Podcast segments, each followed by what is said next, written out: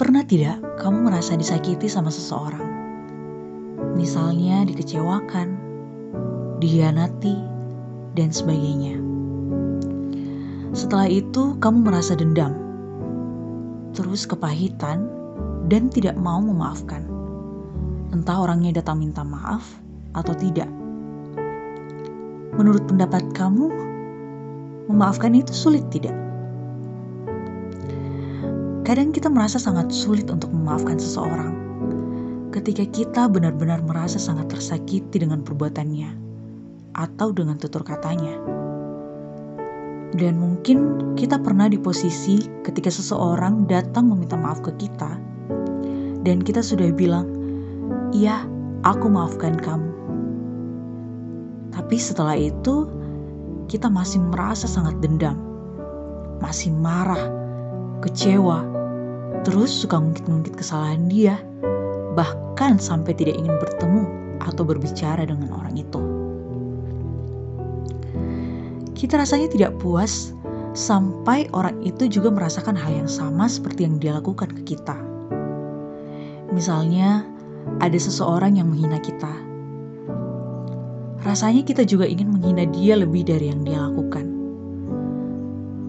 Semboyan pembalasan lebih kejam daripada perbuatan, seperti mendarah daging dalam hati kita. Dan memaafkan hanya sekadar di mulut saja, tapi di hati tidak. Kenapa sih memaafkan itu susah? Nah, masih ingat tidak ketika Petrus bertanya kepada Yesus, "Tuhan, Sampai berapa kali aku harus mengampuni saudaraku yang berbuat dosa terhadap aku? Sampai tujuh kali? Dan kata Yesus, bukan, melainkan sampai tujuh puluh kali tujuh kali. Yang artinya apa? Kita harus siap memaafkan tanpa batas. Ingat, tanpa batas. Ketika seseorang telah menyakiti kita, dan kita telah memaafkan dan melupakan kesalahannya. Kemudian orang itu menyakiti lagi untuk kedua kalinya, ketiga kalinya, sampai tak terhitung jumlahnya. Kita juga harus memaafkan sampai kesekian kalinya. Sulit. Iya, sangat sulit. Membaca dan mendengarnya saja, kita sudah kaget dan menggeleng-geleng kepala apalagi mempraktikannya. Bagaimana bisa saya memaafkan dia sampai berkali-kali? Saya maafkan, diulangi lagi. Maafkan, diulangi lagi. Gitu terus. Kapan dia bisa berhenti menyakiti saya ketika saya selalu memaafkan dia? Dia pasti tidak akan kapok melakukan kesalahan. Ayolah, yang realistis saja. Nah, pasti itu yang terlintas di benak kita, bukan? Ya, memaafkan memang seperti itu. Kita akan merasa tidak adil dan terus merasa tersakiti ketika Tuhan tidak dilibatkan. Sadarkah kita seberapa jauh kita melibatkan Dia ketika kita tersakiti? Apa mungkin kita justru menyalahkan Tuhan? Tuhan, setiap malam saya berdoa untuk Dia agar dia jadi lebih baik. Tapi kenapa Tuhan tidak bertindak? Kenapa Tuhan tidak jawab doaku? Kenapa dia semakin menjadi-jadi? Nah, kita keliru. Cukuplah usaha kita. Jangan menyalahkan Tuhan.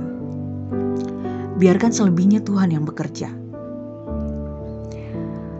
Saya pernah di posisi sangat membenci seseorang Sampai saya pernah berkata kasar ke orang itu karena perbuatannya benar-benar menyakiti saya dan berharap saya merasa puas dengan tindakan saya. Kemudian saya lupakan dan maafkan. Tapi berkali-kali orang itu tetap melakukan hal yang sama. Dan saya semakin dendam sama orang itu. Sampai saya mempersiapkan berbagai cara agar dia mendapatkan pembalasan yang lebih kejam dari yang dia lakukan. Tapi justru perbuatannya semakin menyakiti saya. Sampai saya di titik sadar bahwa apa yang saya lakukan sangat tidak benar. Kenapa saya menuntut pembalasan? Padahal itu sama sekali haknya Tuhan. Setelah saya berhenti untuk mendendam, saya sangat merasa damai. Saya biarkan Tuhan yang bertindak menurut maunya. Ah, memaafkan itu sungguh sangat sulit. Tapi satu hal yang terpenting, ketika kita memiliki kasih, kita pasti bisa memaafkan dengan mudah. Kedekatan kita dengan Tuhan akan sangat berpengaruh pada kemampuan kita untuk memaafkan.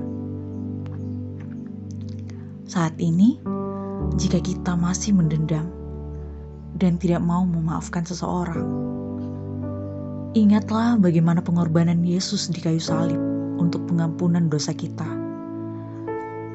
Memaafkan kesalahan kita yang bahkan tidak pernah datang meminta maaf kepadanya. Jadi, bagaimana mungkin kita tidak memaafkan orang lain, sementara Tuhan sendiri mengajarkan itu kepada kita, dan Dia sendiri yang mengampuni kita yang hampir tiap hari menyakiti hatinya. Ya, karena Dia mengasihi kita. Sebagai penutup, Mary Riana pernah berkata, kesalahan bukan untuk dilupakan, tapi untuk direlakan. Maafkan dan relakan dan kasihi mereka. Tuhan Yesus memberkati.